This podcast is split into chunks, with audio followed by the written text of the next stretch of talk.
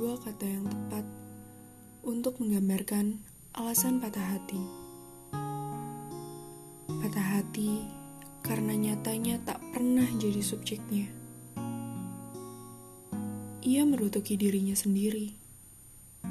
Ia terbelenggu oleh keputusan yang pernah dibuatnya. Dan ia merupakan bagian dari skema kesedihan yang abadi.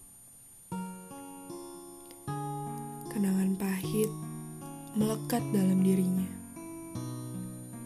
Makhluk itu sebisa mungkin ia simpan rapi.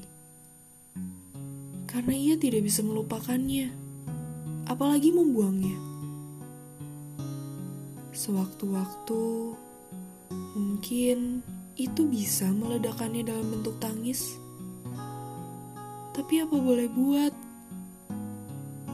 Mungkin itulah cara semesta mengurangi porsi ingatan pahit. Dalam pikirannya yang tak pernah lengang dari kenangan, sebenarnya ia hanya ingin berdaya. Diangkat derajatnya, dilepaskan dari belenggu yang mengekang dirinya, sambil diajarkan bagaimana cara menerima.